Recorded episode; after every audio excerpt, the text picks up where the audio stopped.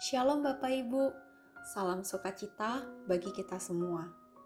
Baik atau buruk kondisi kita, mari kita bersyukur karena Tuhan masih memberikan kita kesempatan untuk menjalani hari bersama dengannya dan menikmati kebaikannya di dalam kehidupan kita. Tanpa Allah yang hidup, kita tidak mungkin dapat hidup dengan baik hingga saat ini. Sebuah kisah menceritakan ada seorang anak muda yang berhasil mendirikan perusahaan besar di negaranya. Secara otomatis, keberhasilan yang ia capai menjadi satu kesuksesan yang menarik perhatian orang-orang. Semua berita di media mewartakan betapa hebat dirinya. Seorang yang masih dalam usia belia sudah berhasil mencapai kesuksesan hidup yang diimpikan oleh banyak orang. Kesuksesannya pun menjadi motivasi bagi anak muda maupun para pekerja senior untuk bekerja lebih keras hingga dapat memperoleh keberhasilan seperti anak muda tersebut. Melihat kisah hidupnya yang terus disiarkan dan digaungkan sebagai aura positif bagi banyak orang, anak muda ini justru lama-kelamaan memiliki aura negatif di dalam dirinya ia mulai merasa ia sangat jauh lebih hebat daripada orang lain. Ia bahkan tidak ingin mendengarkan nasihat dari orang lain, karena bagi dia, "Aku jauh lebih hebat, lebih baik daripada kamu. Aku jauh lebih sukses daripada kamu."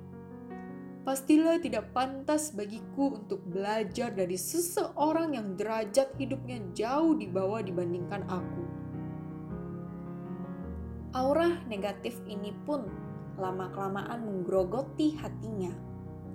Hati yang tadinya murni hanya untuk mencapai kesuksesan dalam hidupnya pribadi, kini menjadi kotor karena kesombongan yang mulai ia biarkan bertumbuh di dalam hatinya.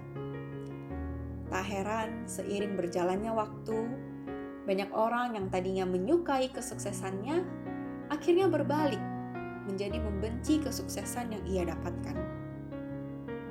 Bapak Ibu, keangkuhan, kesombongan adalah dosa yang tidak pernah lepas dari kehidupan kita. Itu sebabnya Bapak Ibu di dalam Amsal 29 ayat 23 mengingatkan kita. Keangkuhan merendahkan orang, tetapi orang yang rendah hati menerima pujian. Di sini penulis Amsal tahu betul keangkuhan, kesombongan yang ada pada diri kita tidak akan membuat kita semakin menerima pujian dari orang lain. Kita malah justru akan merendahkan orang lain. Namun, Bapak Ibu, orang yang tetap menjaga kerendahan hatinya, itulah orang yang akan menerima pujian. Di dalam kehidupan yang kita jalani, tentu ada waktu di mana Tuhan mengizinkan kita untuk menikmati kesuksesan di tengah dunia ini namun sayangnya, sering kali pada kondisi demikian, kita malah terkadang merasa diri kita begitu hebat hingga dapat menggapai kesuksesan dalam hidup kita. Seringkali kita juga merasa kita adalah pribadi yang lebih baik daripada orang lain, karena lebih banyak orang yang memuji kita ataupun baik terhadap kita.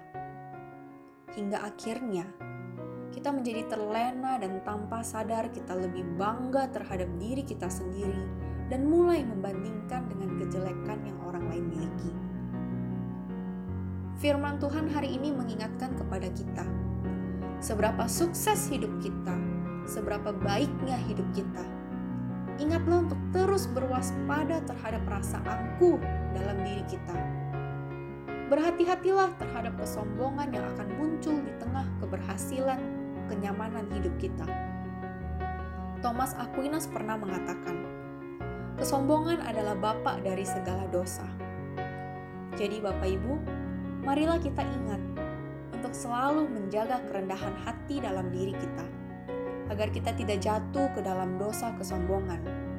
Dan biarlah segala kesuksesan, kebaikan, dan kenyamanan hidup kita, semuanya hanyalah untuk kemuliaan nama Tuhan. Mari kita berdoa.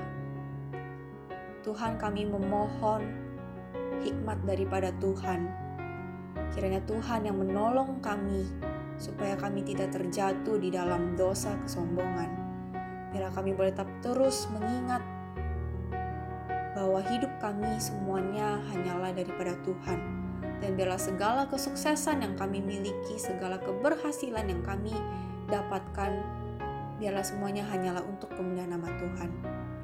Ajari kami Tuhan untuk selalu rendah hati dan bergantung kepada Engkau. Terpujilah namamu, Bapa, di dalam nama Tuhan Yesus kami berdoa. Amin. Marilah kita terus bertumbuh bersama di dalam kebenaran firman Tuhan. Melalui sapaan firman hari ini, bersama saya Giovanni, mari kita terus hidupi firman yang telah kita dengar. Tuhan Yesus memberkati kita sekalian.